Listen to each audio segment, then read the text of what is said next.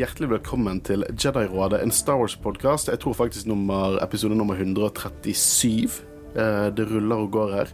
Eh, dere så vel Star Wars eh, Vision sesong 2, og så tenkte dere hvor er episoden til Jedi-rådet? Den er her nå. Her i dag. Eh, og Mitt navn er Håkon Øren, selvfølgelig. Jeg sitter sammen med, med Kristian Haugen Aspen. Og Kaibar Krystall til Hans Lyssabel Marie. Jeg kan ikke etternavnet ditt i hodet mitt. Introduser deg. Velkommen. Hei, jeg heter Marie Sarbotten Nilsen. Jeg er jordmor på KK i Bergen. Det, og jeg er forloveden til Kristian. Ja, der har vi connection. Dette. Eh, men det som eh, før, Når vi har på en måte nye gjester eh, på besøk eh, Hei til deg også, Kristian, by the way. Hei. Ja. Eh, når vi har besøk av, av nye gjester i, i eh, Jedi-rådet Først, du er en del av rådet, men du, ikke, du får ikke tittelen mester. Men hva, hva, hva er din Star Wars-CV? Hva, hva- betyr Star Wars for deg? Jeg ble egentlig introdusert til Star Wars ganske seint. Jeg var vel 16 år, kanskje. Da en venninne tok meg med på sleepover, og så så vi eh, A New Hope. Og videre var det maraton gjennom hele natten. Altså, du begynte med originaltrilogien. Ja. Ja. Og så bare har det bare ballet på seg med eh, prequel, sequel, serier. Så jeg tror jeg har fått med meg ganske mye Star Wars. Og jeg tror Clone Wars er favoritten. Clone Wars er favoritten, ja. Mm. Eh, hva, hva synes du om på en måte den Disney-æraen vi lever i? Eh, helt fantastisk. Helt fantastisk. Ja, Ja, men det er godt du tok henne med, Christian. Det er liksom noe for alle Uh, i den æraen vi er i nå. Det er for de som liker å lese både bøker og tegneserier. Det er musikken er jo også noe eget. Det er jo live action-serier, det er disse nye filmene, og, så det er absolutt veldig mye forskjellig. Ja, og det, det, det er jo fint at du sier det, eh, fordi at det er jo på en måte det som er kjernen i det vi skal snakke om i dag, som er Vision sesong to, Ja. der du snakker om, om alle disse forskjellige menneskene og kulturene som jeg følte traff enda hardere denne sesongen enn forrige sesong, eh, i Vision sesong to, som på en måte viser at alle kan på en måte leke i den sandkassen som er Star Wars. Eh, og spesielt når, den, når Visions ikke er canon, så gir det de en, en frihet Uh, og det gir meg en frihet, for jeg slipper å finne alle connections til Laura. sånn. Det, det, det kan holde meg våken om natten. Uh, men det gir en frihet der. Og jeg, eh, jeg har på en måte hatt gode samtaler med, med individer i fandomen som ikke deler de samme meningene med meg. Som, og det var en som sa at han så på en måte som det som George Lucas skapte, at det var canon. Eh, og at det andre var mer som et eh, som fanfiction. Og han sa dette veldig positivt, for all del. Eh, For min del så George Lucas han skapte en mytologi. På samme måte som Tolkien skapte en mytologi. Og Tolkien forventet at flere skulle komme inn og fordype den mytologien, for det er sånn mytologi er. Det er ikke én forfatter bak gresk mytologi. Nei. Det er gående historier, vandrefortellinger. Og Star Wars er av alle definisjoner en moderne mytologi, i min mening. Eh, og eh, det er så utrolig Vi var jo på Celebration, vi så alle disse folkene som har jobbet med originale eh, Tilbake til prequel-trilogien. Eh, Star Wars er en så stor kreasjon blant så mange mennesker som bryr seg. Og jeg, jeg elsker gode, gamle George Lucas. Han skapte dette. Han, han, han, han skjøt startpistolen, og så lot han flere komme inn. Og dette skjedde allerede i, i, i A New Hope. Det er mange viktige individer bak New Hope som, som på en måte er like viktig for at dette her skal komme ut som den pakken som er Star Wars og Josh Lucas er. Og eksempel Ralph McQuarrie i nyere tid, eksempel Doug Chang, som vi så, John Knoll, eh, ja, til og med Kathleen Kennedy, selv om noen der ute eh, sikkert ikke er helt enig med meg der, og Dave Filoni. Det er så mange som skaper dette universet, og det har vært det siden tidenes morgen. Eh, og eh, Visions virkelig understreker hvor mange som på en måte kan vise sin lidenskap og lage Star Wars som er like mye Star Wars og alt annet. Ja. Men hva synes vi om Vision sesong 2? Kristian, jeg har kjørt så mye fra deg. Nei, du, du, var, du var så on point, så jeg ville på en måte ikke forstyrre deg. Nei, du var, jeg setter pris på det. Ja. Eh, jeg syns Vision sesong to har eh, steppet opp skikkelig fra sesong én. Jeg liker at de på en måte har uh, utdypet det mer i forskjellige eh, land, holdt jeg på å si. Eh, gitt litt bedre mangfold. Og det er jo som du sier, George Lucas han skapte jo dette her, og det er på en måte som å si at han, eh, han skapte en sandkasse som mange kan leke i.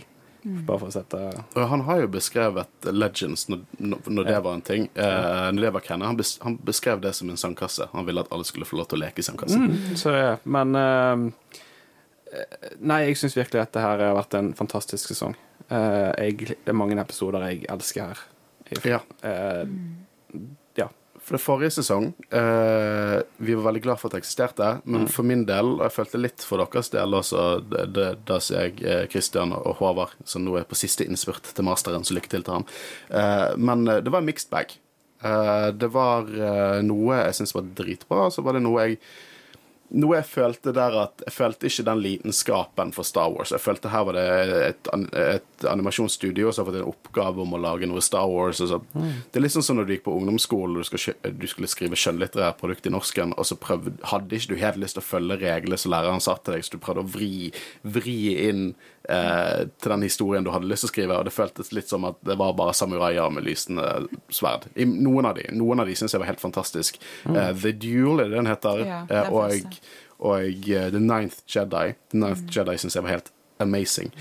Men det at Visions sesong to nå går over hele verden og tar inn forskjellige land sin måte å, å produsere kunst på, for det er kunst. Eh, jeg syns det var forfriskende, og det er akkurat det jeg følte den, dette, dette prosjektet trengte. Ja, jeg synes, altså, når de begynte, når sesong én kom, eller volum én hvis du vil, da, eh, så syns jeg det var et interessant konsept, og jeg liker veldig godt at de prøver å forstørre det nå, da, og inkludere flere land. Eh, og når du ser på en måte eh, De har laget sånne ti minutter som Marie introduserte meg til, eh, for alle episodene, der de viser hvordan de lagde de, hvem stemmeskuespillerne er, Ja, for, etc. filmmaker focus. Ja, jeg vet ikke om du har sett de. Jo da, jeg har sett det. Ja, eh, og der får du jo veldig mye forklart eh, hva inspirasjonen de hadde, eh, hva de eh, Hvordan de valgte å fortelle historiene. At de mange som var basert på eh, folkehistorier og fra steder så- fra landet de kom fra. Og det virkelig åpne øynene, spesielt de shortsene der. For det, at eh, enkelte disse, for det er noen av disse jeg ikke var like begeistret for som de andre. Eh, men det er virkelig Det mm, åpnet øynene mine til å sette pris på elementer som jeg rett og slett eh, som en norsk Star Wars-fan ikke på en måte kom fram til av meg sjøl. Så å høre disse folkene snakke om hvordan de trakk sin egen kultur og historie inn i det verket de lagde. Mm. det, var, det er virkelig verdt å, å sjekke ut. Ja, absolutt. Det er anbefalt. Jeg har ikke sett alle, dessverre. Jeg rakk ikke et- etter jobb i dag. min på det. Men Marie har brukt dagen sin på å se alle. ja. men eh, det var veldig interessant, de jeg har sett. Men uh, skal vi hoppe inn i det, da? Uh, I første episode Skal vi uh, bare nevne sosiale medier, Håkon? Å ja, faen, det glemmer jeg hele tiden. Det- Folk er sikkert litt lei av å høre på Maria, kan ikke du snakke litt om sosiale medier? Jo, kan Så får Kristian seg en liten pause. jo, da kan man gjerne følge sosiale medier til Jedi-rådet på Instagram, Twitter, TikTok, Facebook. Veldig bra. Og gi oss en rating. eh, det setter vi pris på. Og så må jeg bare på- påpeke en ting til. Jeg er så glad Håkon har fått nye stoler i studio. Og vi har drevet reklame, Christian, i Spania. Ja, vi Ja, kom vi- opp på spanske topplistene et lite sekund der. Ja.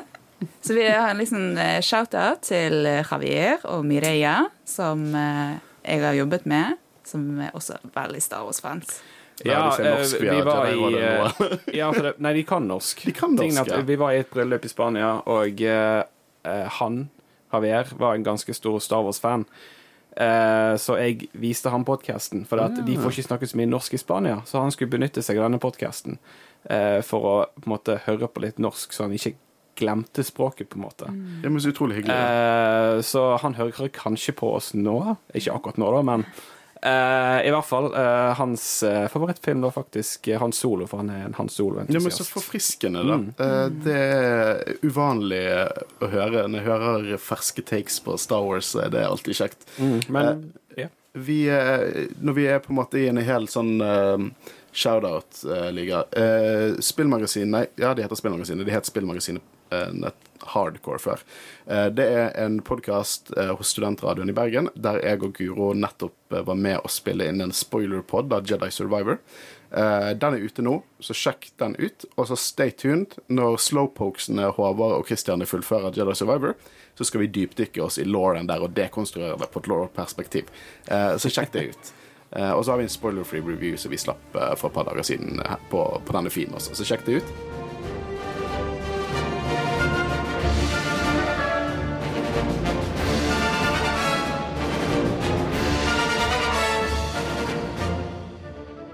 Men når dere tok opp Spania, så er det perfekt å begynne med Sith, for det er jo fra El Guiri Studios. Eh, El Guiri. der har du det. Det er derfor du er Flott fra. Spania. ja. og hva synes vi om Sith? Veldig bra. Eh, det som jeg syns er morsomt med sesong to av Visions, er at det er Hvis jeg skulle ha gjort en sånn en norsk oppgave om metaforer, så hadde jeg valgt denne episoden med hva farger og kontraster har å si for stemningen i eh, en fortelling. For det, denne spiller jo på mye av det, fargene, eh, som hun som har vært Sith, prøver å komme seg tilbake til the light side, eller iallfall få en balanse i seg sjøl. For det er jo en, på en måte en rød tråd i denne sesongen. er jo veldig dette balanse. Det, sånn, det kan ikke være lys uten mørke. Eh, og jeg eh, Både sånn nyansert og litt on the nose, ikke på en negativ måte, så er denne her bruker farge for å representere det. Så hun vil ha disse her eh, lyse, glade fargene sine, men hun klarer ikke å la være at det kommer litt mørkt inn. Helt til hun finner ut at hun må bare på en måte lene seg inn i det og, og bruke det, liksom. Og på en måte bestemme hvordan hun skal være. Eh, det er jo en utrolig kul på en måte vri på den typiske Star Wars-fortellingen at vi ser en Sith, en tidligere Sith som lever på en måte og prøver å få en uh, skape seg et nytt liv, og så kommer sin tidligere mester og skal dra henne tilbake igjen. Veldig veldig anstrengt at the rule of two skal eh, opprettholdes. Jeg tror det er veldig rule of two-vibes her. De, de, de, Ja. de følger canon. Uh, I hvert fall, Denne historien er jo ikke canon, men de, de på en måte følger det som er grunnlagt i Star Wars law. Uh, og jeg, jeg syns at fargene var helt utrolige. Uh, jeg syns designet de, de forstår seg på Star Wars. Bare den droiden i seg sjøl var så Det kunne lett blitt en ikonisk Star Wars-droid. Eh, og jeg, eh, jeg synes måten de på en måte hadde designet lightsaberne og tatt inspirasjon fra historiske spanske sverd med eh, Der hun hadde en litt sånn lettere sabel, kanskje en rapier, og han hadde på en måte litt tyngre, tyngre sverd. Eh, designet var dritfett. Lightsaber-kampen og hvordan fargene interagerte med, med konflikten der. Eh, jeg jeg syns denne her er en av mine favoritter, bare rent sånn estetisk. Ja, det var helt nydelig. Bare det hvordan de slåss i mørket, og så hvordan bakgrunnen også forandrer seg underveis, men det hele tiden var lysverdene i fokus. Og der er jo eh, det gule og det røde. Det er jo de spanske fargene. Alle disse episodene har jo easter eggs som er tatt fra kulturen der de er laget. Og dette er vel det mest spanske, det er vel de fargene der. Ja, for det, både gul og rød er farger som er viktig for Spania. Ja, det spanske flagget har Ja. gult og rødt. Mm. Men det er jo utrolig kult at de tar inn der, og, og det er på en måte noe av det jeg ville ha eh, fra dette konseptet. Det er at de tar Star Wars, og så gjør de det til sitt eget, og på en måte tar inn det som betyr noe for dem. Det følte jeg ikke helt forrige sesong alltid nailet. Eh, men, så dette er en briljant første episode. Men det, jeg tror det er litt det de òg prøvde å, å gjøre nå i sesong to, altså Lucasfilm. De prøvde å la de filmskaperne de tok kontakt med eh, fra disse selskapene, ha litt frie tøyler, eh, og så skulle de bistå de. For du sier jo sjøl, dette her er jo ikke canon. Dette er jo bare eh, Star Wars-fortellinger som er i The legends, på en måte. Det er ikke Legends heller, for Legends er en egen kontinuitet. Det er bare, Ja. det er bare en what if. Det er liksom, det er bare Ja, basically. Så da på en måte Det er kjekt på en måte at de får lov til å fortelle de historiene de vil, uh, og du ser at Spesielt når du ser disse her uh, Filmmaker Focuses-episodene, at det de lager, betyr ganske mye for dem. Mm. Uh, og, eh, apropos Lucasfilm sier frie tøyler. Dette, stud, dette, dette studiet er sitt første prosjekt. Dette er første tingen de lager. Ja. Uh, og jeg synes, det, vi kommer mer, inn mer på, på, på en måte, hvordan Lucasfilm har på en måte håndtert dette, som jeg syns er utrolig bra. Um, eh, at de gir så mye tiltro til et helt nytt studio, mm. uh, syns jeg er hjertevarmende, rett og slett. Eh, og, og på en måte den fortellingen er jo det er en ganske simpel fortelling. Det er på en måte Hun lever alene med droiden sin og på en måte prøver ved hjelp av farger og maling på en måte redefinere hvem hun er, og så kommer fortiden tilbake igjen. Mm. Hun klarer å overkjøre fortiden sin ved å på en måte kombinere det hun var, med det hun er nå, og, og på en måte male sin nye fremtid, rett og slett. En, simpel fortelling, men på samme måte så er det en, en veldig god fortelling med eh, mye dybde. Og som du sier, sesongen baserer seg veldig mye på dette med balanse. Eh, og, og det er jo en av disse episodene som jeg føler setter sterkest inntrykk på dette med balanse. Ja, absolutt. Eh, så ja, eh, historien er jo, er jo der, men jeg føler at de får frem ganske mye eh, eh, i omgivelsene i Ja. episodene. Ja, absolutt. Det er en sånn en jeg absolutt kan gå tilbake igjen og se flere ganger. Mm. Uh, uh, men vi kan jo hoppe opp til episode nummer to, uh, yeah. hvis dere føler dere er klar for det. Eh, Nevnte vi, eh, Reach. Nevnte vi studioet som hadde produsert den episoden, den, nummer én? Ja, vi begynte Ja, okay. Ja. med Screechers Reach av Cartoon Saloon. Eh, dette representerer Irland. Eh, jeg må si at før jeg så den Focus, filmmaker-focusen, så hadde jeg litt splittede tanker om denne. Eh, jeg kan si at jeg, eh, jeg likte veldig godt hvordan dette på en måte det var historien om barn som bare ikke visste noe om Jedi og Sith, og hvordan det er en parallell på, eh, på dette her med at Luke er i Dark Side Cave på Dagobah, men det er egentlig en, en Sith mother, eller Sith lord, eh, som på en måte manipulerer hun da, til å faktisk fysisk drepe. Eh, om det var hennes forrige mester, og dette er hennes måte å ta rule of two videre, hvem vet. Eh, jeg synes at historien var kult. Jeg vibet ikke helt med noen av designvalgene. Um, for eksempel det skipet på slutten. Jeg syns det var veldig lite Star Wars. Det, det, var, det var veldig sånn Hvis du ser den silhuetten, så er det så langt fra Star Wars Men det skulle jo på en måte representere karakteren, altså den sitten som kom for å hente henne. Ja, Skipet skulle på måte fremstilles på samme måte, at hun skulle være på en måte farlig engel, blomst, eng, engel. ja. engelformet, på en måte. Så Eh, det var jo det de, det de ville gå for, forsto jeg. Star Wars Explained gikk jo litt inn på det, for han likte veldig godt den episoden. Og, og han tok opp et quote fra Ringenes herre som jeg likte veldig godt. Det er litt sånn som Frodo sier om Aragorn. Um, the enemy uh, should look fairer, but feel fouler. Og det var litt den viben jeg også fikk eh, fra hun Sith-motheren. Og jeg syns det var veldig kult, spesielt med det der at, at det var en, en om Sith lady som på en måte hadde falt så dypt inn i the dark side at dark side hadde overtatt hun, og hun ble mer eh, Hun var jo fysisk til stede, det var jo det som på en måte var tvisten her, da, men hun blir på en måte mer et spøkelse, en banshee, som de trakk inspirasjon fra. Eh, og det er jo absolutt noe som både Legends og Cannon går inn på. Sånn, Palpatine sier jo til Vader, etter Anakin eh, nettopp er ny i jobben som Sith, eh, at eh, å, å bruke the dark side det er en balanse der òg. Hvis du går for langt, så vil det kontrollere deg, og du ikke kontrollerer det. Og det er på en måte litt det jeg Det var den første tanken jeg hadde når jeg så denne shorten. Ja, jeg følte jeg òg at uh, det viser hva Darkside kan virkelig Ja. gjøre med en hvis den får lov til å bare spise deg opp. Ja, og det, det er veldig kult. Jeg får meg til å tenke på mange, mye fra Legends også, som jeg trakk inn der. Eh, jeg, jeg satte mye mer pris på den etter jeg så Filmmaker-fokusen, spesielt hvordan på en måte de, de på en måte tar inn litt sånn irsk historie med den workhouset med barna som måtte jobbe på det industriområdet i begynnelsen og dette her med banshees og Ja. Sin natur. Ja, og det, jeg holdt på å si eh, Det fjellet eh, er jo eh, litt basert på Hva heter den? Skelly Michael. Skelly Michael Island, Ja. som vi kjenner fra Force Awakens. Force Awakens òg. Ja. Og Last Jedi. Um, jeg syns det var en veldig Jeg synes det var en god episode. Um, jeg likte den veldig godt. Eh, og jeg, jeg Igjen, veldig interessant med de Filmmaker Focus-episodene. Uh, for inspirasjonen for denne episoden uh, var jo i Empire Strikes Back eh, med Luke sin test i eh, hulen på Dagoba, der han ser Wader. ja, det er på en måte en, en dark side-vri på det. sant? Ja, sant? men det er der de har hentet eh, inspirasjonen fra, eh, så vidt jeg forsto. Ja, ja, Eh, absolutt. det, for det er jo på en måte en, en test som er laget for han. Nei, hun.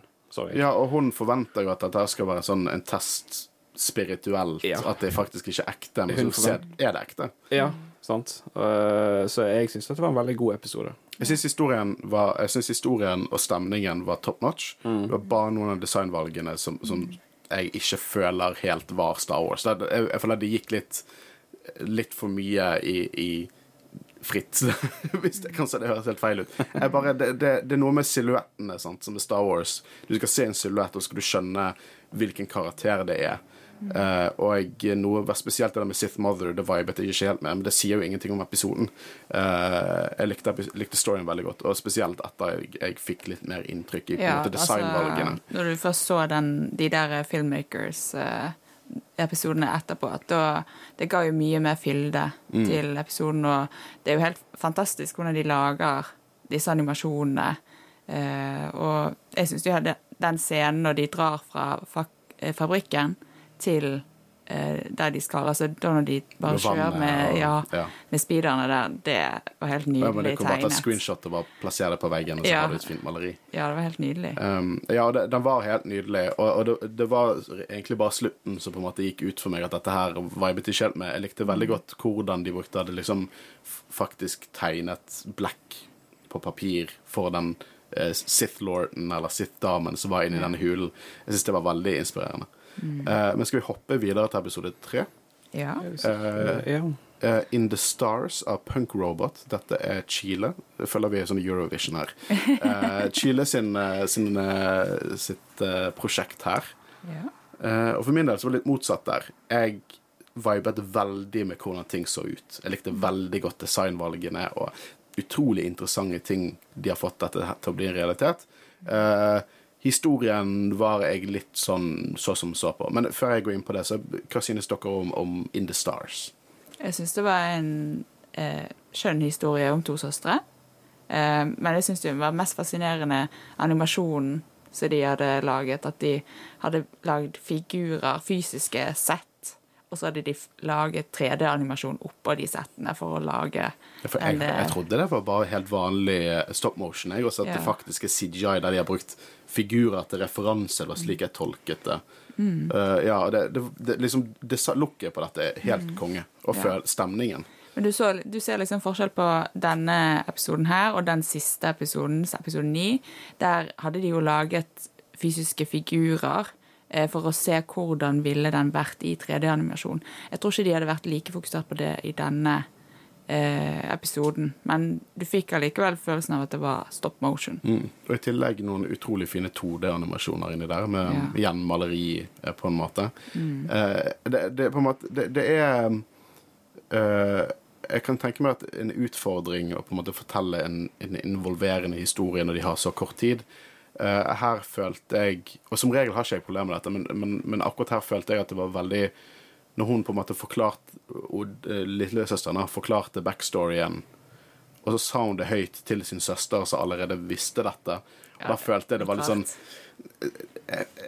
Dere kunne fortalt det på en litt bedre måte. Da følte jeg litt at det var på en måte Stil kom for bekostningen av historien fordi de hadde lyst til å få med dette 2D-maleriet som kom levende. Og som så helt nydelig ut. Og i hvert fall kult når du hører at det stammer fra på en måte OK, jeg har skrevet ned um, Native Patogi eh, Patagonian. Patagonia. Eh, Patagonia, ja. Eh, og de- innfødte der eh, maler jo på steiner og sånne ting. Sant? Så det, det er veldig interessant å på en måte få med seg det i Star Wars. Jeg syns det egentlig er litt naturlig at hun forteller historien, for hun er et barn.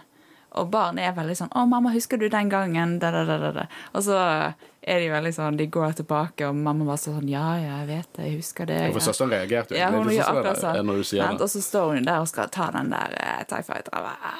sant? Veldig sånn barnslig. Hun er jo, Ja. hun er jo Jeg, barn. jeg er jo litt der, jeg òg, at det føles naturlig på en måte at det skjer.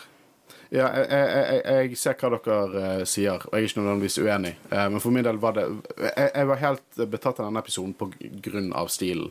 Og så kan det hende at jeg, er litt, er litt lei av The Force. jeg er litt lei av at det er på en måte go to-historien til veldig mange av disse historiene, bortsett fra i hvert fall to, uh, som vi kommer til senere. Og da var det, det var litt sånn forutsigbart. da. Jeg, jeg skjønte hvor de skulle gå.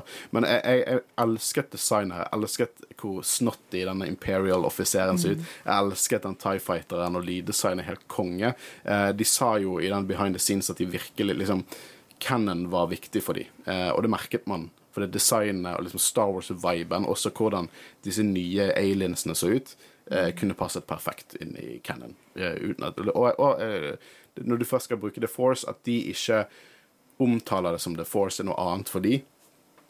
Det er veldig new canon. Litt sånn som High Republic. Og, eh, Rogue One. The Force er brukt av så mange kulturer in universe, og selvfølgelig deler ikke alle troen til The Jedi. sånn, på Kashik så er det en del av naturen, eh, mens The Jedi kaller det Force, og, det gikk de mer inn på her, eh, og det satte jeg veldig pris på. Så jeg, jeg syns det var en vellykket short, absolutt. Jeg tror det er et øyeblikk der at det kom til å handle om altså, At dette bakteppet til denne historien det var forurensning og klima, og at det virker som de har liksom politisk agenda. Eh, men så er det jo også en del av den chilenske historien at eh, når eh, engelskmennene og kolonitiden var, så var det jo disse her slumområdene i Chile. De ble jo bare helt renset for mennesker. Det var millioner av mennesker som bare forsvant uten at noen visste hva som skjedde med dem. Og det er jo litt sånn som skjedde med familien og stammen til disse to jentene. At de bare blitt renset vekk for at imperiet skal bygge sitt og ha sitt, sin fabrikk der. Ja, og, og, og det du sier der, det kommer jo veldig inn i hvert fall noen av disse eh, disse som lagde dette her, og de snakket om hvor viktig det er å huske som, som chilenere. At det er viktig å huske hvor de kommer fra. sant? Det er viktig å huske sine røtter.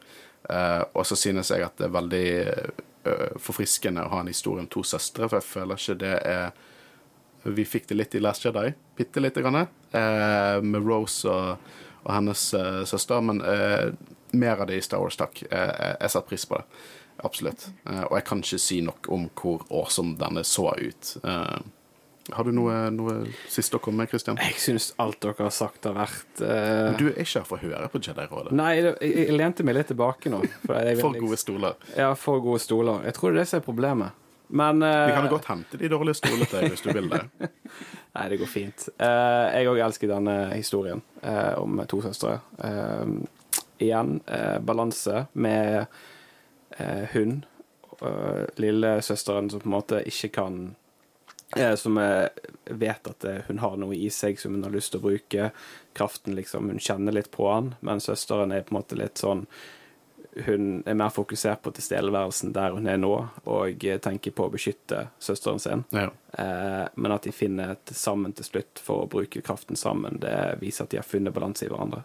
Ja, jeg, jeg, jeg har en litt sånn pet peeve med, med barn som gjør dumme ting.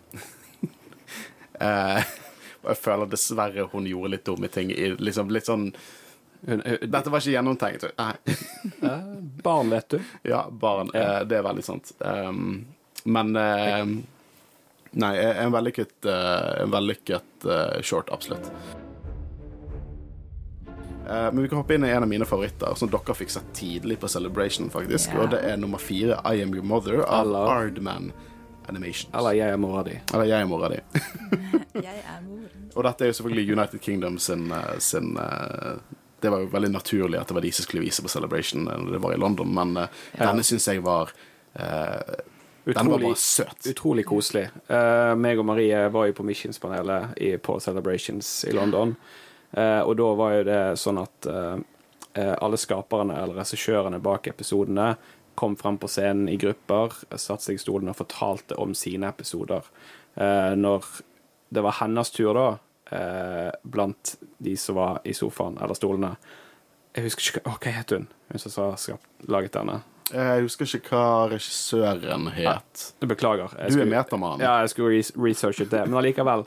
Eh, når alle var gått av scenen, og de var ferdig med panelet, så kom hun ut igjen og overrasket alle med at hun skulle vise sin episode, og hun gledet seg veldig til å se folks reaksjoner.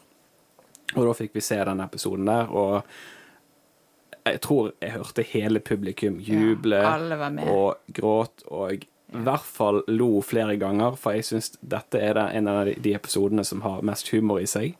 Det er så respektfull humor også. Det Ja, det er med. Star Wars, ikke av Star Wars. masse det er masse koselige easter eggs. Eh, eh, jeg òg likte veldig godt den episoden, eh, og den er òg laget av de som har laget uh, Wallace and Gromit. Wallace and ja. Ja. Mm. -hmm. men ja, det var helt fantastisk å se den. Ja. Jeg var jo litt sånn, når vi så den på Vision, så sa jo hun i forkant at Og så har vi jo med noen veldig kjente stemmeskuespillere. Og så jeg var sånn Ok, nå må jeg sitte og høre veldig nøye etter. Hvem, hvem er det som er med her? Men jeg var sånn Nei, jeg vet, aner ikke hvem som er med. Men uh, nå når jeg har sett uh, Behind the Scenes, da, så ser jeg jo at uh, der er en fra original uh, Star Wars-filmene. Ja, Dennis Lawson ja. Han Ja, spiller Wedge Antilles. Ja. Og så er det hun eh, Charitra eh, Chandran. Hun er med i Bridgerton. Ja. Ja, i sesong to der. Hun spiller lillesøsteren som prøver å finne kjærligheten. Så det var to kjente for meg, da.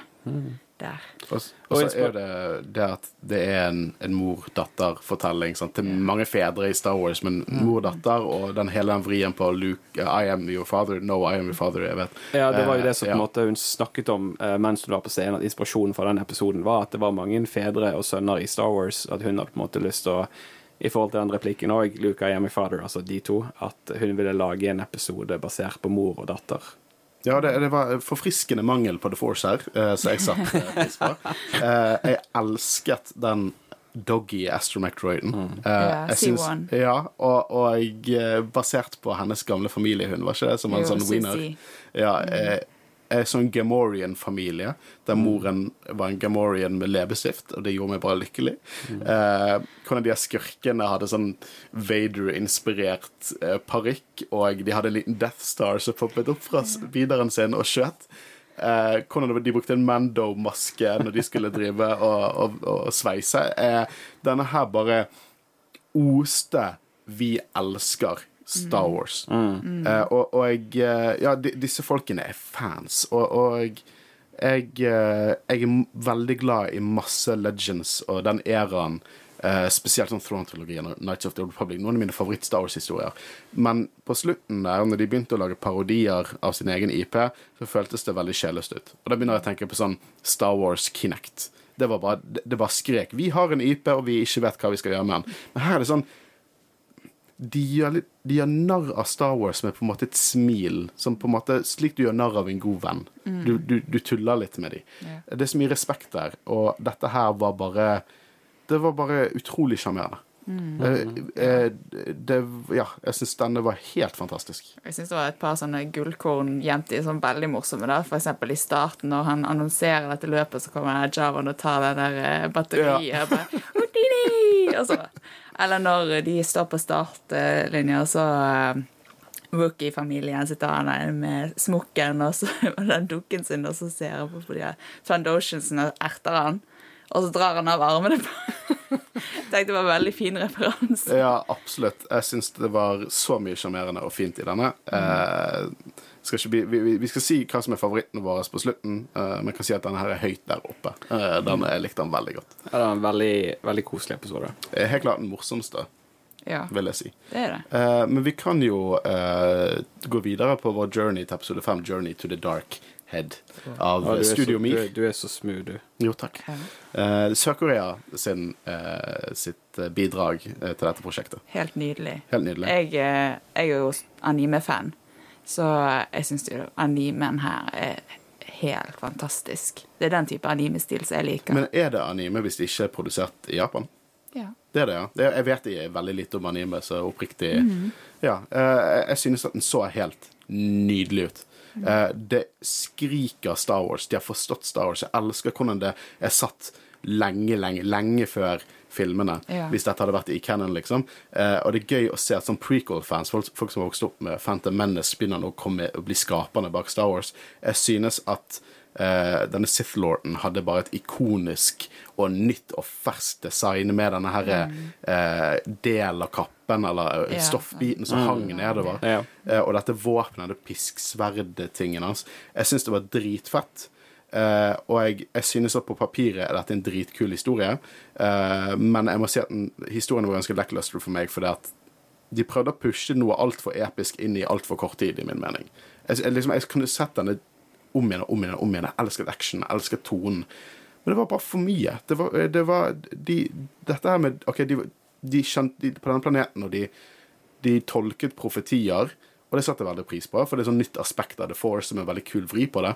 Og så var det det at et av disse hodestatuene over tempelet deres representerte dark side og light side, og ja, det, var, det var for mye Det var for mye dyttet inn i én. Jeg kjøpte ikke at i det hele tatt at det skulle At, at Jedi-ordren skulle synes at det var en, en god idé at hun hadde en følelse på at du skulle kutte av den, og så syns jeg det var litt on the nose med at Og du kan ikke kutte den, for den er også balanse. Mm. Så jeg visuelt elsket det. Storymessig så falt det litt flatt for meg. Men det var jo det de sa mot slutten av episoden, at det var jo en grunn til at vi ble sendt her.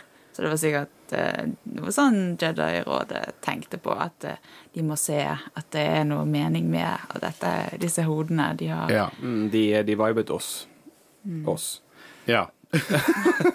Nei da. Eh, jeg òg- jeg er litt der. Eh, jeg tenker sånn at eh, Nå husker jeg ikke navnet på hun Jedi-masteren fra det rådet som sendte de på tur, holdt jeg på å si. For det var jo én spesifikk som sa at De har godt av det, liksom. ja, og eh, Tool, Towl, unnskyld. Tull, ja. Tool. Ja. Han spesifikt skulle være med. Han følte at, nei, hun følte at han var riktig for dette oppdraget. Jeg tenker jo på en måte at hun på en måte har kanskje ikke sett hva som skal skje, men sendt de på dette oppdraget fordi eh, dette kom til å skje, ikke dette. På måte at de har ja, ja, nå roter jeg meg ikke sjøl i mine egne ord. Nei, men jeg, jeg skjønner hva ja, du mener. jeg, jeg, mener. vil liksom frem til at eh, hun sendte de på det oppdraget, men det, hun trodde ikke det kom til å være utfallet. Du, de, hun, de, hun trodde at de kom til å lære noe. Ja. Eh, Ja, ja, du skjønner hva jeg mener. Altså, alle rundt Thor, de så jo det at han var ubalansert. Ja. Han hadde en konflikt inni seg. Mm. Sånn at hun så jo at dette er en sjanse for at han skal finne balanse. Ja.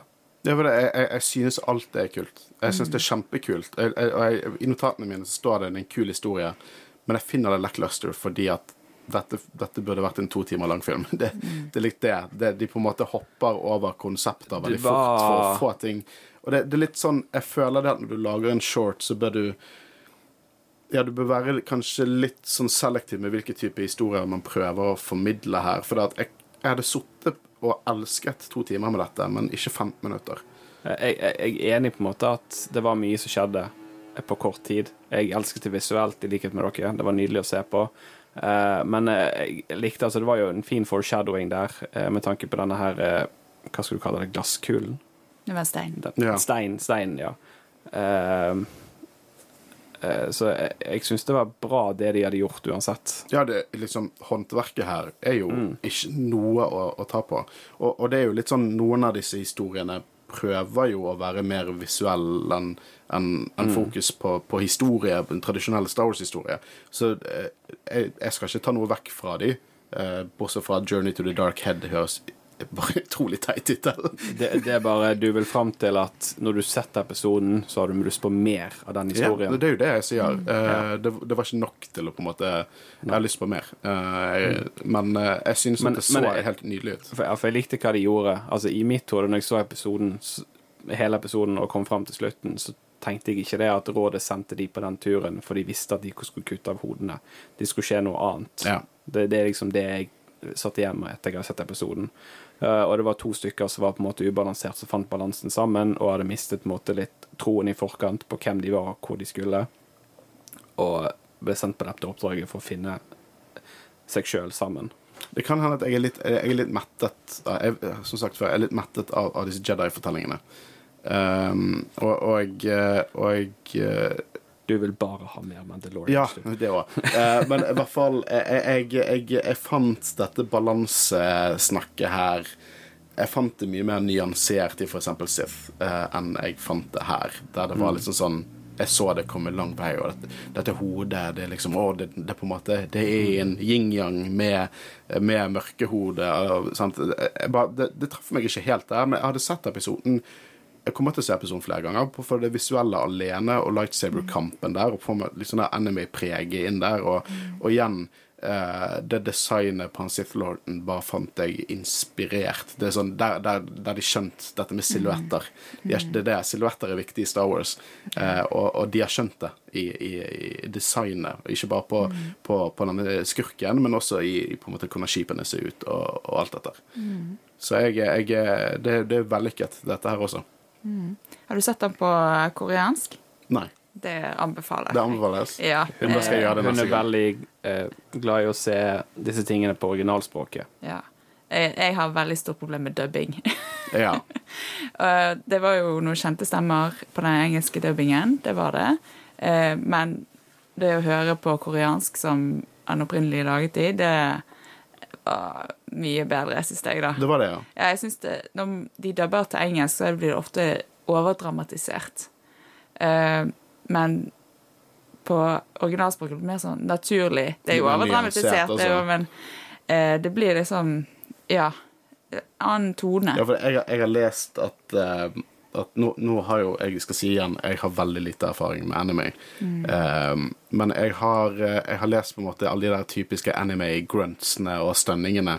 At det på en måte stammer fra dubbingen der eh, for å på en måte matche opp med animasjonen av munnen, så måtte de engelske eh, De måtte på en måte ov- overdrive litt. Altså, de måtte komme med litt fillerlyder, rett og slett. Og etterpå, etter det ble gjort så mye, så er det på en måte blitt en del av den type kulturen å å overdrive litt. Grann. Um, Men det, i denne originalspråket, da, der er det ikke noe sånn ordlyder, og det er ikke noe sånn stønning og sånn. Altså, det Nei. er, det er musikken i bakgrunnen du hører, hvis det ikke er det de snakker.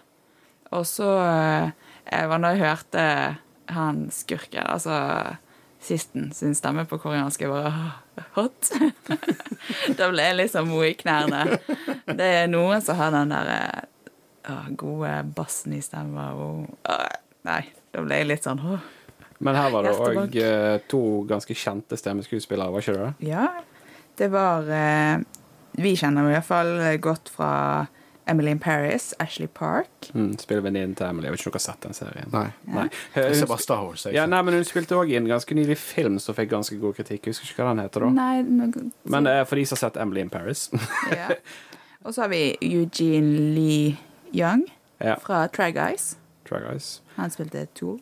Uh, og så har han spilt i Lost. ja, det er han, ja. Mm. Spilte han den nyeste Hellboy? Den kjempedårlige Hellboy-rebooten. Du, det han? er ikke den gammel nå? 2019.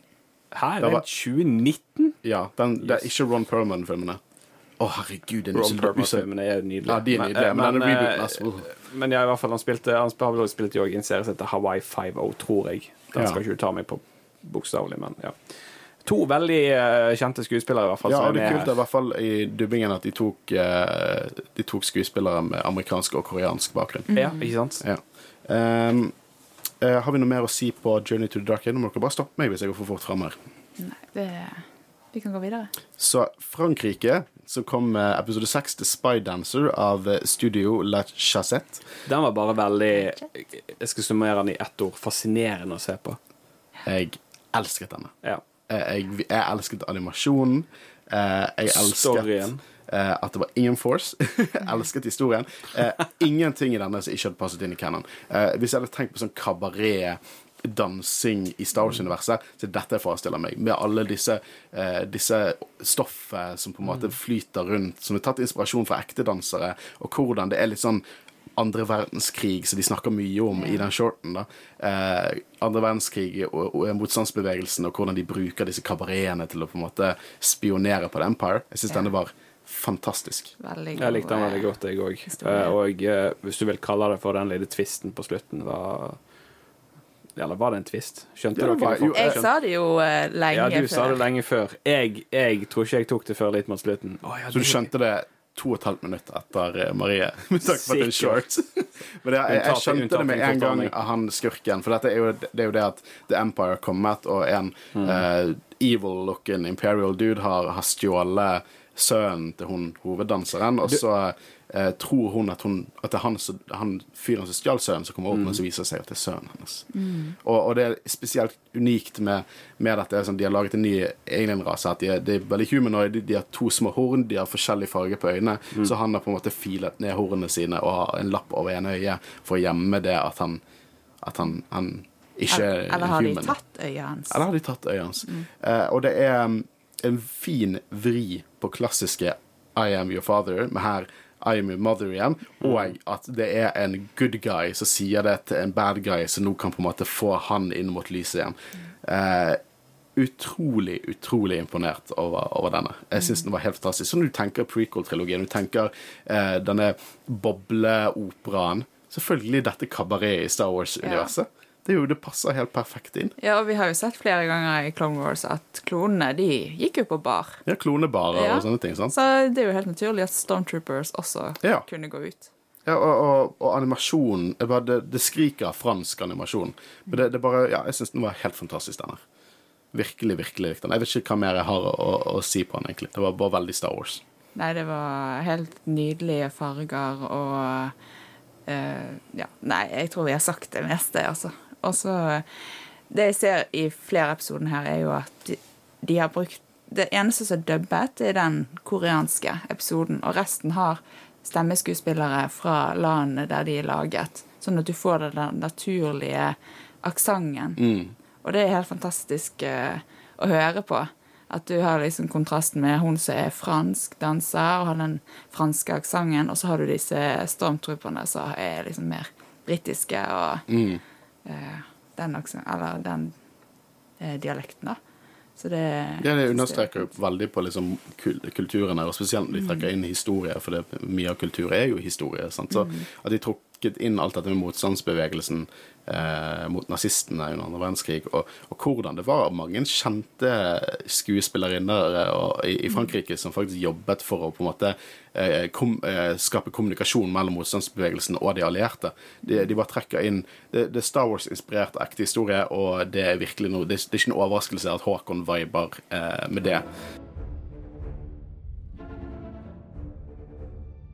Vi kan jo hoppe over til, til neste, eh, som jeg også setter veldig pris på. Episode 7, The Bandits of Golak av 88 Pictures. Og dette er India sitt bidrag.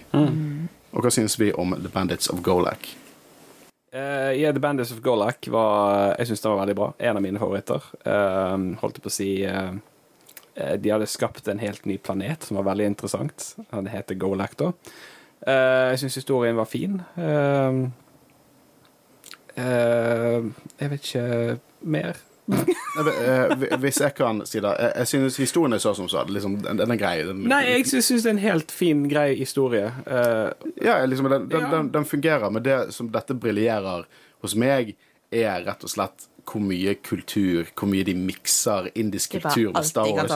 Dette, ja, men dette, liksom, denne shorten briljerer på hva som er potensialet til Visions, liksom. Mm. Og for det elsker jeg den. Jeg bare jeg elsket, eh, elsket at de bare bruker indiske voice actors. Elsker designet på den inquisitoren. Var bare Ja, var helt nydelig. Og Eh, her er det jo klart at, som vi òg har sett i eh, Filmmaker Focus, at denne her tar seg for Order 66. Eh, det er iallfall det han har inspirasjon for, han som har laget den her, så vidt jeg forsto riktig. ja, ja, at han, Tiden etter. At, tiden etter Order Ja, ja, tiden etter Order 66, eh, og det er jo denne her Inquisitoren. Og den Ja, og Purge Troopers. og Purge Troopers. Så eh, jeg fant jo han veldig interessant, og jeg likte veldig godt hun eh, gamle damen som hadde på en måte sabene sine, eh, lightsaberne sine i stokken. Og, og det er på en måte inspirert av, av sånn tradisjonelle, ofte gamle musikere. Som du bare kan se på har en visdom som på en måte moderne, Folk fra moderne storbyen ikke kan på en måte være på samme vibe som da, og, og at hun er en Jedi, og hvordan de på en måte bygger på med indisk mytologi, og det er virkelig en fusion, og det er så sykt mange kule referanser, det er så sykt mange sånne nisje-aliens fra Star Wars brukt her. Eh, disse folkene her, de er Star Wars-fans, og de har virkelig mikset Star Wars og gjort det til sitt eget, eh, på en helt, jeg, jeg synes denne sesongen generelt har gjort det fint, men disse her har virkelig, de har liksom de har virkelig tatt den oppgaven til seg. Så ja, historien var helt grei. Liksom. Jeg, likte historien for hva den var. Simpel, men her var det viben som virkelig traff meg. De, Altså. ha, de hadde jo ikke bare tatt inn masse elementer, det, sånn visuelle elementer eh, inn i episoden, men det var også virkemidler som de vanligvis bruker i sånn indiske dramaserier, såpeoperaer. Disse slow motion-kampen. Da tenkte jeg bare nei, det her er sånn typisk indisk eh, såpeopera. opera. Det er sånn der, eh, Blir han skutt, så tar det sånn en halv time før han faller på gulvet. Men det er jo del Altså, av kulturen, Ja, det, men, det, men jeg syns det var så morsomt at det plutselig bare her er slow motion, yes, det her, det her er indisk. Det, Ja, og det var liksom Jeg tenkte ikke så m- det. Jeg tenkte ikke at dette, dette, dette kunne på en måte utspille seg i på en måte Star Wars-universet sånn som vi kjenner det. Det var nesten som de skapte en unik vri på Star Wars-universet der eh, Hva var det de sa i de, i de shortene da? At liksom Star Wars har på en måte blitt inspirert av så mange kulturer, så det er kult å se at kulturer kan bli inspirert av Star Wars også. Og, og eh, Nei, dette her Dette liksom eh, briljerer på hva som er konseptet Visions. Virkelig, Ja. virkelig. Ja, absolutt. Eh, Jeg vet ikke hvor mye mer jeg har å si på det. Jeg synes det var Nei. nydelig animasjon. Jeg kan jo bare legge til dette med at jeg, jeg hadde ikke så Jeg syns storyen var en søt, liten og god fortelling. Eh, eh, men igjen, fra den første episoden vi snakket om, eh, at eh, det er en simpel historie, kan du gjerne si, men oppgivelsene gjør opp for det, på en måte. Eh, sånn som dere har snakket om nå. Absolutt. Eh, men vi kan jo eh, hoppe videre til episode åtte, The Pit, av The Art, The Art Jeg tror det var sånn de uttalte det. The Art Chatugio. Eh, du kan sikkert uttale det bedre. The Art Chitayo. Ja. Eh, av eh, Lucasfilm Limited og Japan. Eh, Før vi hopper inn i på en måte storyen og hva dette historien sier, så har jeg bare lyst til å snakke litt om Leandre Thomas, som var på en måte han som kom på pitchen til denne historien. For det at hvordan, han, han jobbet vel i på en måte film eh, arkivet. Han passer på at disse fysiske filmene til Lucasfilm eh, ikke forsvinner opp og sier at han passer Støver på ned. de og, ja. eh, og han hadde jo snakket med sin sjef eh, om liksom, hvordan jeg har denne fortellingen som eh, måte, Det betyr mye for meg. Jeg har lyst til å på en måte få gjort noe med det. Og han hadde fått full støtte av sin sjef, av Kathleen Kennedy og Dave Filoni, så alle er med i denne her behind the scenes-en snakker. Og det bare viser litt sånn ja, eh, Disney eksisterer for å lage penger. Sånn er det. Men de eksisterer for å prøve å lage gode ting sånn at de fortjener de pengene. De, de, de har også lyst, å spesielt Lucasfilm da, Jeg kan ikke snakke så mye om MCU og alt det der. der er ikke, det er ikke der jeg det, det er ikke mitt område, expertise. Men eh, folk er litt sånn her Å, corporate wokeness. Men så må også folk tenke litt sånn Hvor, hvor kommer den derre lysten for åpenhet? Sant? Det er for å inkludere. Det har ikke så mye å si om at, at det er en kynisk bakgrunn der, at de på toppen vil inkludere folk fordi at da tjener de mer penger. Men det handler jo også om hvordan folk bruker den åpenheten. sant? Eh, og mye av på en måte inkludere og, og, og, og ha, ha representasjon i Star Wars. Og det er kjempeviktig. Ikke, ikke la noen si noe annet. Det er kjempeviktig med representasjon. Det, det viser jo med Wishins òg, at de er, vil inkludere. Ja. Uh, og jeg tenker sånn Ja, Disney er ute etter å tjene penger, til syvende og sist. De vil tjene penger, men eh, Så du ser nå så Lucasfilm og Disney kommer med, alt de lager. De vil nå ut til mest mulig Star Wars-fan, så det viser jo at ja, de vil tjene penger, men de bryr seg om materialet som de har, og prøver å lage noe til enhver fans der ute. Ja. Og som du sa så fint på NRK P1, Håkon. Eh, Star Wars er et sjangerløst univers, eh, og det er så mye å ta av, og det er så mye å, eh, å lage, og det viser at Disney på en måte De de prøver å spille på så mange sjangere som mulig nå, og det liker jeg veldig godt. Ja. Og, og, og poenget mitt her med han Leandre, da er bare det at han er på en måte Han, er, han har ikke en stor stilling i Lucasfilm, men likevel får han støtte ikke bare fra bunnen, men av toppen av Lucasfilm, og de vil realisere hans prosjekt. Eh, og hans tanke der er liksom det at han, han er jo afroamerikaner. Sant? Han på en måte vil ha en historie som fokuserer på på, eh, på mørkehudede karakterer, og selvfølgelig ta paralleller i litt sånn afroamerikansk historie. For det var mye paralleller der òg. Og at han fikk det realisert. og De fant et anime-studio i Japan, som var også et veldig multikulturelt studio, til å realisere liksom den drømmen. Eh, det betydde mye for meg. Eh, jeg synes det var Det traff meg rett i blodpumpen. Jeg syns det var helt eh, fantastisk. Ja. Jeg syns det var så morsomt eh, da vi så den Behind the, uh, the Creation, så var det jo uh, hun ene fra det japanske studioet som satt der med babyen sin. Og så satt hun plutselig og ammet mens hun tegnet. Jeg var, ja, det, sånn er det. Det er hardt- koselig. Hardt arbeid, det her. uh, men ja, The Pit. når vi fokuserer på, på, en måte, på storyen her, og på en måte det vi eh, så, hva, hva synes vi? Det var jo også en ny tegnestil, men der også var det mye virkemidler mellom det lyse og det mørke, og hvordan du så tiden gikk, eh, med hvordan byen ble skapt i bakgrunnen etter hvert som hullet også ble større.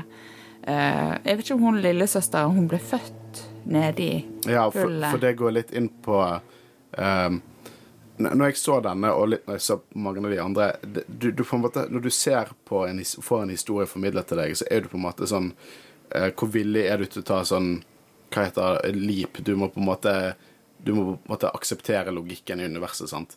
Eh, man kan ikke se på denne og, ha, og tenke liksom logisk og praktisk på hva som skjer.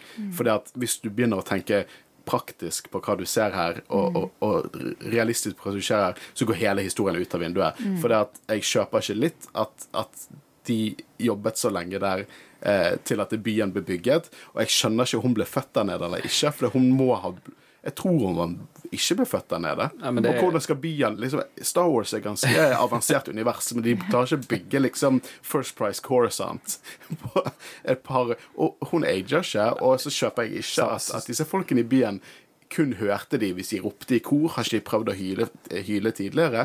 Så alt det der Jeg måtte bare sånn OK, det er ikke det.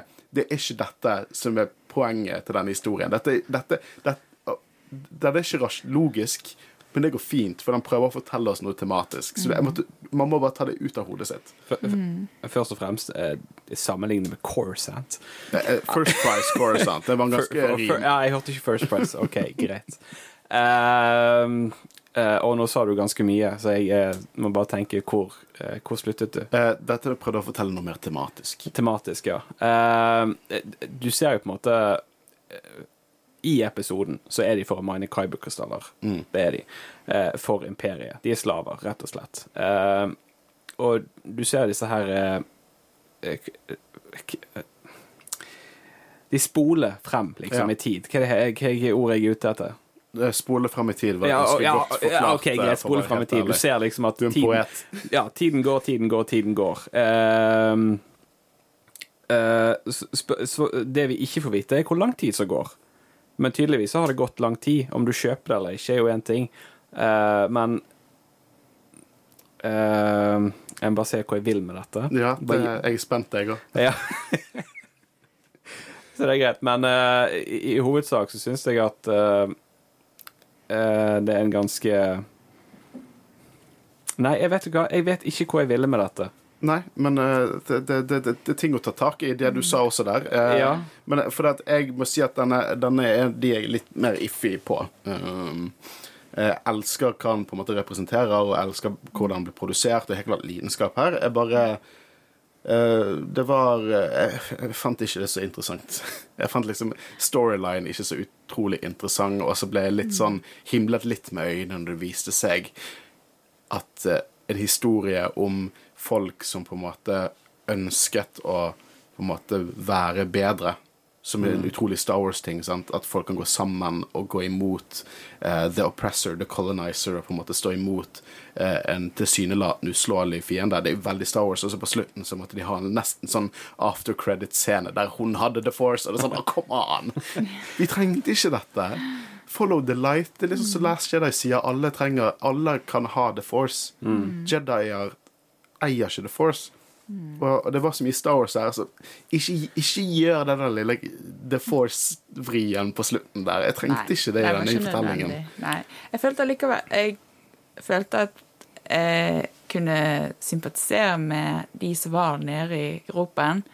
Og når han ble kastet nedi jeg, jeg, ble, jeg ble jeg begynte nesten å grine. Jeg, selv om det var så kort film, så var det nok til at jeg følte Nei, nei skal han dø, liksom? Men det sier jo bare at, at noe så kort kunne ha et impact på deg, og det sier, det er jo, da er det kvalitet på det. Eh, for det, jeg vedder på at du ikke er alene om det. Nei, det var jo veldig sterk moment. Jeg, jeg tenker jo denne episoden viser jo hvor undertrykkende og uh, forferdelig de- Dette er ikke, det can dette er ikke canon, Hvor forferdelig The Empire er ikke canon. Når du ser uh, Ikke bare denne episoden, du kan jo også tenke flere episoder her og vise hvor bad The Empire, Empire er. Hvor kule var ikke han uh, Stormtrooper-kommanderen? Jeg elsket hvordan Stormtrooperne var tegnet. Ja, var, i- ikke, var ikke stemmene til Stormtrooperen uh, han fra Clone Wars? Jo, Steve Bloom. Ja. Ja, uh, han var uh, commanderen. Og så var det Matthew Wood, som var Stormtrooper. Å ja. Ja. Og, det er jo gøy. Og så var det David Diggs, som hadde stemmen til han Crux, han hovedpersonen. Ja, mm. Og han kjenner vi jo fra Hamilton-innspillingen på Disney. Det er gøy, da. Ja, Vi har jo eh, litt kommer nylig erfaring med Hamilton. Og vi så ja, ja, vi han sang i London. Og så skal han jo nå være stemmeskuespilleren til Sebastian i Den lille havfruen. Ja. Men han har så- gjort mye annet enn det, da. Han har mye hos Disney, altså. Ja. Men ja, eh, jeg, jeg, jeg syns det var en god episode. Vet du hva, Jeg viber med alle episoder. ja, det, er ingen, det, men det er ingen her som er dårlig. Nei, det er liksom, ikke det hele tatt. Men det er noen du liker bedre enn andre, Det er kan du noe jeg liker bedre enn andre. Eh, jeg, liksom, eh, jeg bare Jeg elsket hva Jeg elsket temaet bak denne. Jeg elsket mye av artworken her, spesielt Mm. de Stormtrooperne var bare badass. Eh, jeg likte på en måte hele denne backstoryen med hvordan han så, Leandre liksom pitchet denne ideen og fikk støtte fra liksom corporate Disney til å bare gjøre hva faen han ville. Det er awesome, nydelig. Det er sånn uplifting å se at Hollywood kan være sånn. Uh, jeg bare eh, Storyen var litt sånn ja, det var, jeg, jeg var litt sånn OK, what's next? Men det, det er lov. Det, det er lov. Eh, eh, det er fortsatt ting her jeg likte veldig godt, uh, må jeg si. Men jeg føler det er på en måte det de, de spiller på, at det skal, det skal ikke være så komplekse historier. Det skal på en måte være eh, det bak det, omgivelsene og dybden og i, i, eh, i eh, budskapet de vil få mest frem. Ja, jeg bare, jeg, jeg, og jeg setter pris på budskapet. Jeg bare, jeg, jeg bare, jeg var bare ikke helt med måten de formidler det budskapet på. Det er bare det, liksom. Men budskapet er jeg veldig enig i, og jeg syns Ja. det er veldig fint budskap. Uh, men eh, vi kan jo hoppe videre til siste her, nummer ni. Uh, Our Song av Triggerfish, som er Sør-Afrika uh, sitt, uh, sitt verk i dette prosjektet, den siste episoden. Uh, veldig søt. Det er en veldig søt short.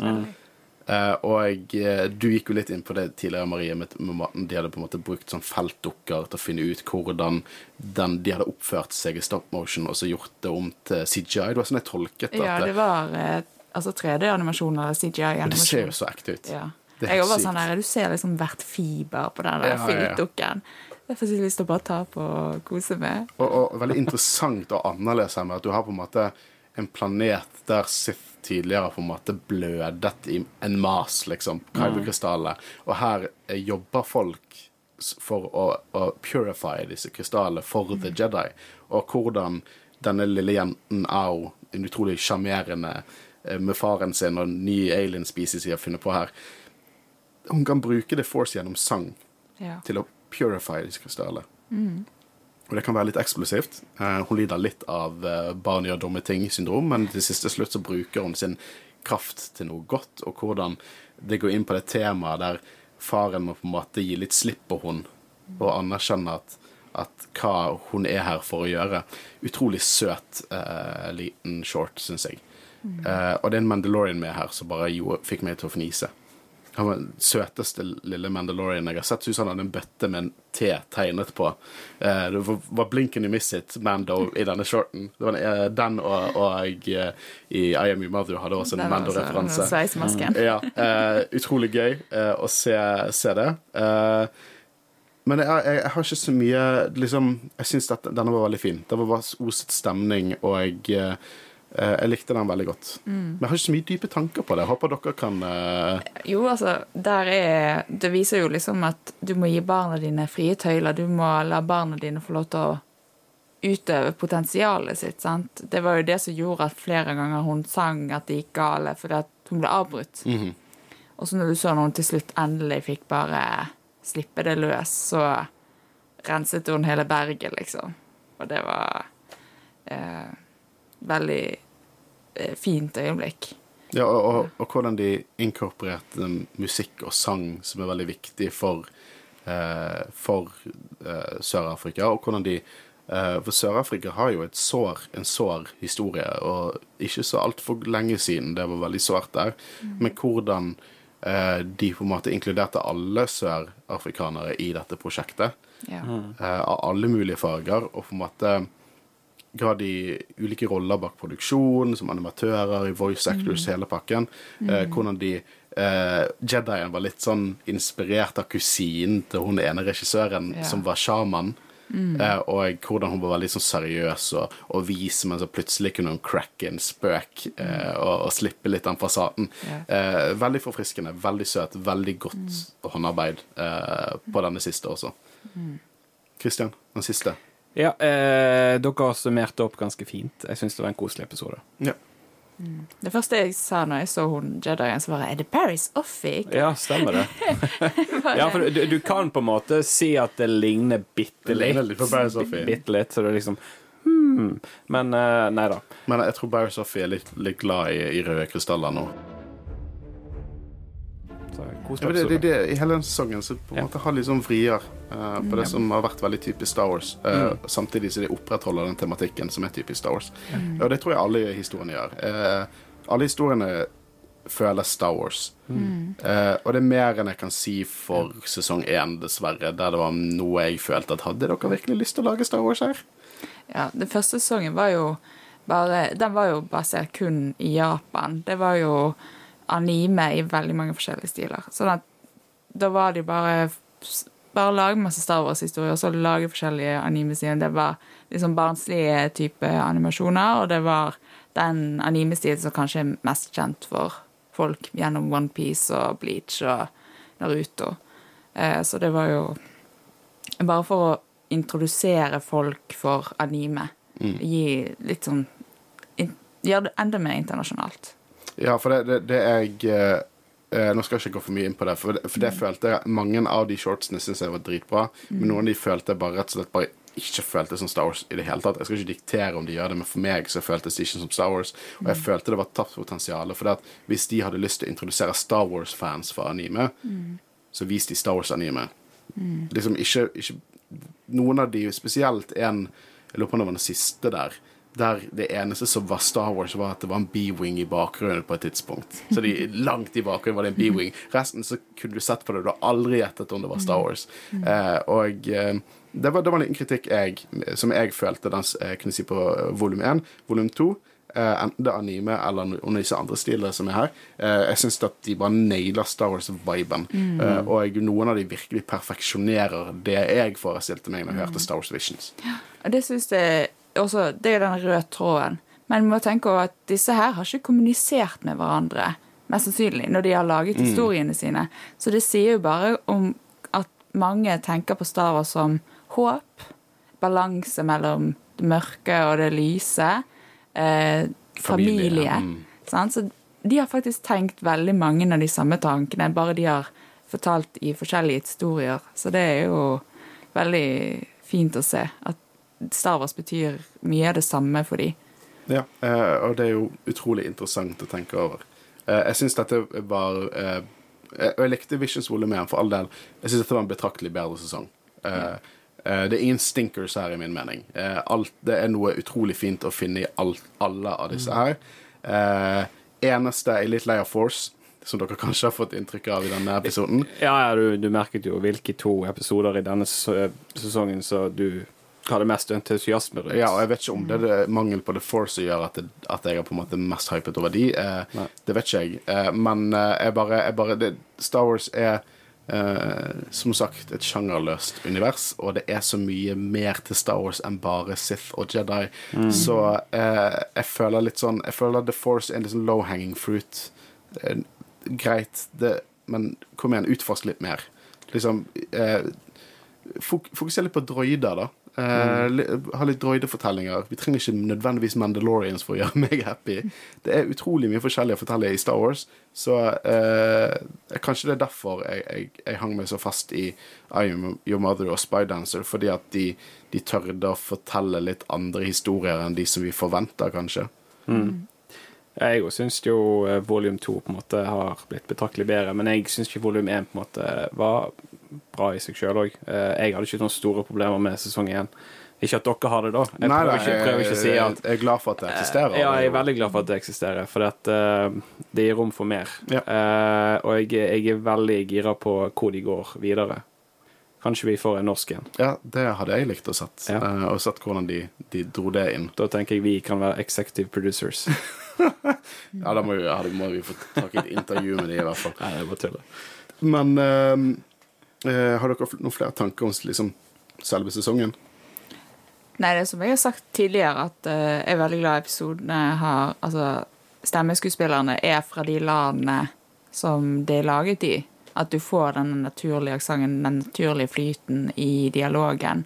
Det syns jeg er veldig fint. Og så syns jeg bare fargene og musikken. Musikken, der er Komponistene er jo alle også fra de landene. Så det òg gir jo en ny plattform for uh, talenter som vi kanskje ikke kjenner så godt fra før. Ja. Og det viser jo bare hvor viktig musikken vår er for som virkemiddel i uh, denne sesongen, da, spesielt. Og i Star Ja, jeg Wars tenker så i jo- seg Ja, selv, Star altså. Wars også. Altså, Vi har jo ikke snakket så mye om musikken i hver episode, men episoden hadde ikke vært den samme uten den musikken som er laget til. Nei, det, det Jeg synes det var. Ja, det, stemningen eh, så musikken hjelper på å bygge i scenen, er helt fantastisk, og de har gjort en utrolig god jobb. Mm. Jeg er enig. Uh, men skal vi, skal vi kåre noen favoritter uh, her? Kan ikke vi begynne med deg, Marie? Eh, en av mine favoritter er Sith. Det Altså Det er veldig vanskelig å velge, men eh, jeg likte jo veldig godt den sørkoreanske, 'Journey to the Dark Head'. Den synes jeg var Den likte jeg veldig godt på Men kanskje fordi at jeg er veldig glad i anime. Ja. Men det er jo veldig lov, det. Ja. Vil du si at det er nummer én eh, fra denne sesongen? Ja, Sith er nummer én Sith er nummer én, ja. Ja. Mm. for meg. Men jeg tror ikke jeg kom, kan si noe flere. Ja, men det er et respektabelt valg. Det valg. blir topp to, ikke topp tre. Christian, da? Jeg òg er veldig på den Sith. Jeg elsker den episoden, og den virkelig setter eh, eh, punkt, eh, i-en på prikken over i-en. Eh, I-en over prikken? I-en over prikken, Ja. sorry. Jeg greier ikke helt å samle ordene mine i dag, av en eller annen merkelig grunn. Eh, Det er fordi jeg er her. Han blir distrahert. Han er så forelsket. Ja, det er sikkert det, ja. Sant? Vi vil slippe Marie til. For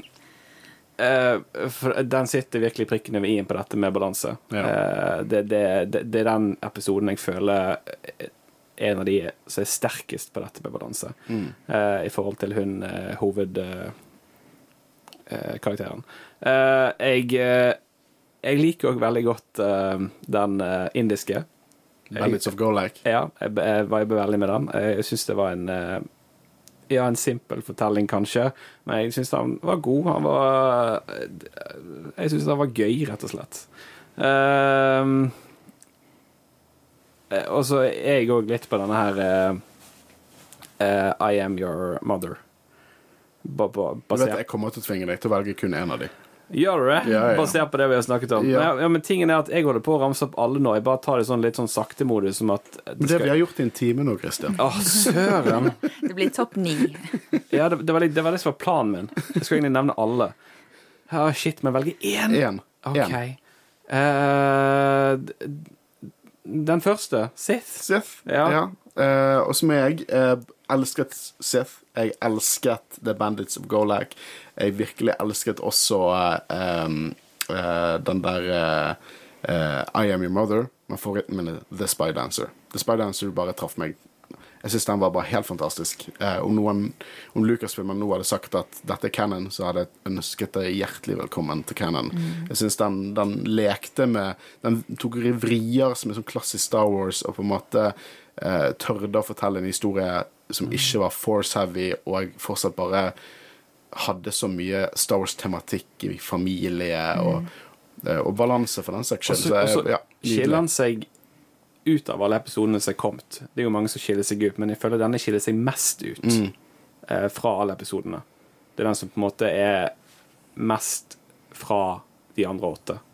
Noe for seg sjøl. Ja. Jeg, jeg syns den var helt, eh, helt fantastisk. Eh, og i en, i en eh, veldig bra sesong. Men uh, The Spy Dancer det ble min favoritt. I forrige sesong så var det The Ninth Jedi. Denne gangen så var det The Spy Dancer. Eh, så får vi se hvor veien går videre. Krysser fingrene for at norsk studio får lov til å leke seg med dette. Så da har vi eh, tre forskjellige favoritter, var det så? Nei, jeg tror Sith Og du òg var Sith? Ja. Kanskje jeg skal ta band... Ja, ta den. Det blir litt mer variasjon her. Ta Bandits of Golak. eh, i, I hvert fall så tror jeg vi kan anbefale alle episodene. Ja, ja, absolutt. Og så må vi jo si Vi kunne nesten hatt ranking på disse her dark side users nå. Altså, vi har jo eh, han eh, lord Kutu, eller Sith Master fra første episoden. Og så har vi Inquisitor eh, fra Bandits of Golak. Jeg syns jo han er litt gøy, da. Altså, Ja. at han er ganske sjokkert over at det er en Jedi på Golak. Til og med når han blir Hva blir bare han bare pattet på hodet med lightsaberen? Ja, for Det det er halsen. Ja, det var halsen, ja. halsen, ja. Til og med da sier han, og så ler han litt. A Jedi og en Golak? så det er så det, Men ja, jeg har, vi har flere. Ja, Bitchan fra Bitchen. ja, Ja, Bitchen eh, var helt klart min favoritt. Eh, ja, men seriøst, han eh, var min favoritt Dark Side User. I, eh, det- eh, Journey to the Dark Head var dessverre ikke blant eh, topplisten min, men jeg syns at hans design og, og væremåte var bare inspirerende. Det var basert, basert litt på en slange, var det sånn å forstå? Det var Ja, derfor de hadde utformet lightsaberen på den måten. Ja. Og det sier jo litt også om episoden. Nå går vi tilbake til episoden her. En slange er jo det fristelsen, sant? Hvis vi snakker om bibelske historier. Sant? Så er jo det han prøver. Han prøver å få Tol over på the dark side. Så han er jo en slange som prøver å friste han over. Så det syns jeg var en veldig god eh, metafor der. Så jeg tror den siste på bunnen av den der listen med dark side user, er jo hun fra Screechers Reach. Ja. Det, hun hadde ikke noe sånn eh, Nei, jeg, jeg, jeg tok henne ikke med i listen min eh, noen gang. Nei. Men jeg syns også Kutu uh, var veldig kul. Jeg likte veldig Mm. godt designet hans og, og den, liksom, den ustabile lightsaberen han hadde. Og Mm. Veldig kult. Og så noen kule sånn Bounty Hunter slash Assassin Droids i den Sith-shorten som vi ikke nevnte så mye. Ja. Mye kul design. Jeg synes det, eh, For det meste her så var design bare awesome. Mm. Jeg kunne gjerne hatt hot toysen i glasskapet, for å si det sånn. Ja. Skulle ikke du slutte? Med hottoysene er du gal? Jeg bare tuller. Jeg kan slutte når jeg vil, men jeg vil ikke. uh, men jeg tenker det er en fin, eh, fin sjanse til å runde av uh, denne, denne Visions sesong 2-episoden fra Jedi-rådet. Um, neste uke er det 17. mai, Uh, og masse fridager, eh, så Jedi-rådet tar seg en uke fri. Og etter, men dere får to episoder denne uken. To og en halv hvis dere tenker spillmagasinet. Uh, og så vil det bli Bad Batch etter denne lille ferien vi tar nå. Og så tar vi en stor uh, sommerferie før vi begynner å lade opp til Asoka. Eh, tusen takk for at du kom hit, Marie. Det var veldig for at kult å få litt, litt mer innsikt fra det spanske, siden du har på en måte litt tilknytninger der. Eh, så det setter jeg veldig pris på. Og så ikke være overrasket hvis du kommer tilbake. Jeg blir ikke, ikke har å be, for å si det sånn. Eh, uansett, mitt navn er Håkon Øren, jeg sitter her sammen med Kristian Høyen Aspen. Marie Sorvet Og vi snakkes om en to ukers tid. Ha det godt. Ha det bra.